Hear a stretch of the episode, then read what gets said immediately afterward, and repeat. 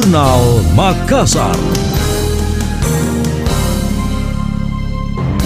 Saya Emil Faris dalam Jurnal Makassar. Dinas Perhubungan Sulsel bersama stakeholder terkait menggelar rapat koordinasi terkait teknis pencegahan mobilitas masyarakat jelang Natal dan Tahun Baru atau Nataru. Kepala Dinas Perhubungan Sulsel Muhammad Arafah mengatakan, sebelum berlakunya Nataru tanggal 24 Desember sampai tanggal 2 Januari 2021, pihaknya akan melakukan pendataan awal terhadap kondisi penumpang, khususnya di Bandara Sultan Hasanuddin. Menurut Arafah, hal tersebut merupakan instruksi PLT Gubernur Sulawesi Selatan Andi Sudirman Sulaiman. Karena itu, setiap calon penumpang penumpang di Bandara Hasanuddin nantinya akan melalui tes antigen secara acak pada 19 hingga 23 Desember 2021. Langkah tersebut ditempuh karena tidak ada lagi penyekatan yang ada hanya edukasi dan himbauan untuk taat protokol kesehatan.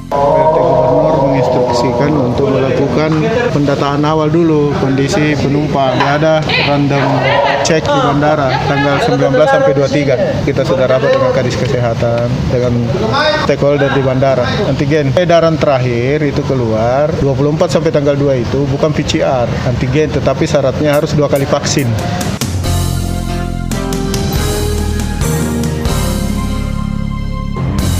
Arafah menuturkan berdasarkan surat edaran terakhir, masyarakat yang hendak bepergian diwajibkan tes antigen dengan syarat dua kali vaksin. Adapun tes antigen acak tersebut akan mengambil 100 hingga 150 sampel tergantung kesiapan dinas kesehatan. Ia menambahkan tes acak tersebut hanya dipusatkan di Bandara Hasanuddin lantaran jumlah penumpangnya membludak. Pergerakan penumpang ditaksir berkisar 24.000 hingga 27.000 orang dalam sehari.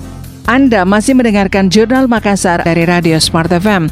Para siswa tahun ini terpaksa tidak bisa menikmati libur Natal dan Tahun Baru yang bertepatan dengan selesainya semester ganjil. Mereka akan tetap bersekolah seperti biasa setelah penerimaan rapor. Hanya kegiatan mereka di sekolah tidak formal seperti biasanya. Hal itu ditegaskan PLT Kepala Dinas Pendidikan Sulsel Imran Jausi. Menurutnya sesuai ketentuan pemerintah, libur semester ditiadakan untuk membatasi mobilitas masyarakat. Ketentuan ini diatur dalam Surat Edaran Nomor 29 Tahun 2021 tentang penyelenggaraan pembelajaran menjelang libur Natal 2021 dan Tahun Baru 2022 dalam rangka pencegahan dan pengendalian coronavirus disease COVID-19. Surat edaran tersebut diterbitkan Kementerian Pendidikan, Kebudayaan, Riset, dan Teknologi tidak diliburkan. Kita itu membuat juga imbauan atau surat edaran kepada uh, internal untuk ya. Kita isi dengan kegiatan-kegiatan yang produktif. Ya, sebenarnya waktunya libur, tapi kita isi dengan kegiatan produktif sehingga mereka itu masih dalam dalam konteks tidak libur. Contohnya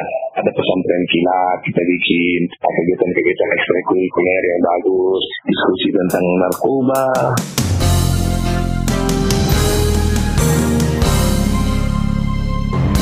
Imran menuturkan materi pembelajaran siswa selama musim libur dititik beratkan pada pengayaan dan hal-hal produktif. Beberapa sekolah bahkan berencana menggelar seminar anti korupsi atau kegiatan lainnya guna mengisi waktu libur mereka. Sedangkan untuk tingkatan SD dan SMP akan dilakukan koordinasi dan bersinergi dengan kabupaten kota.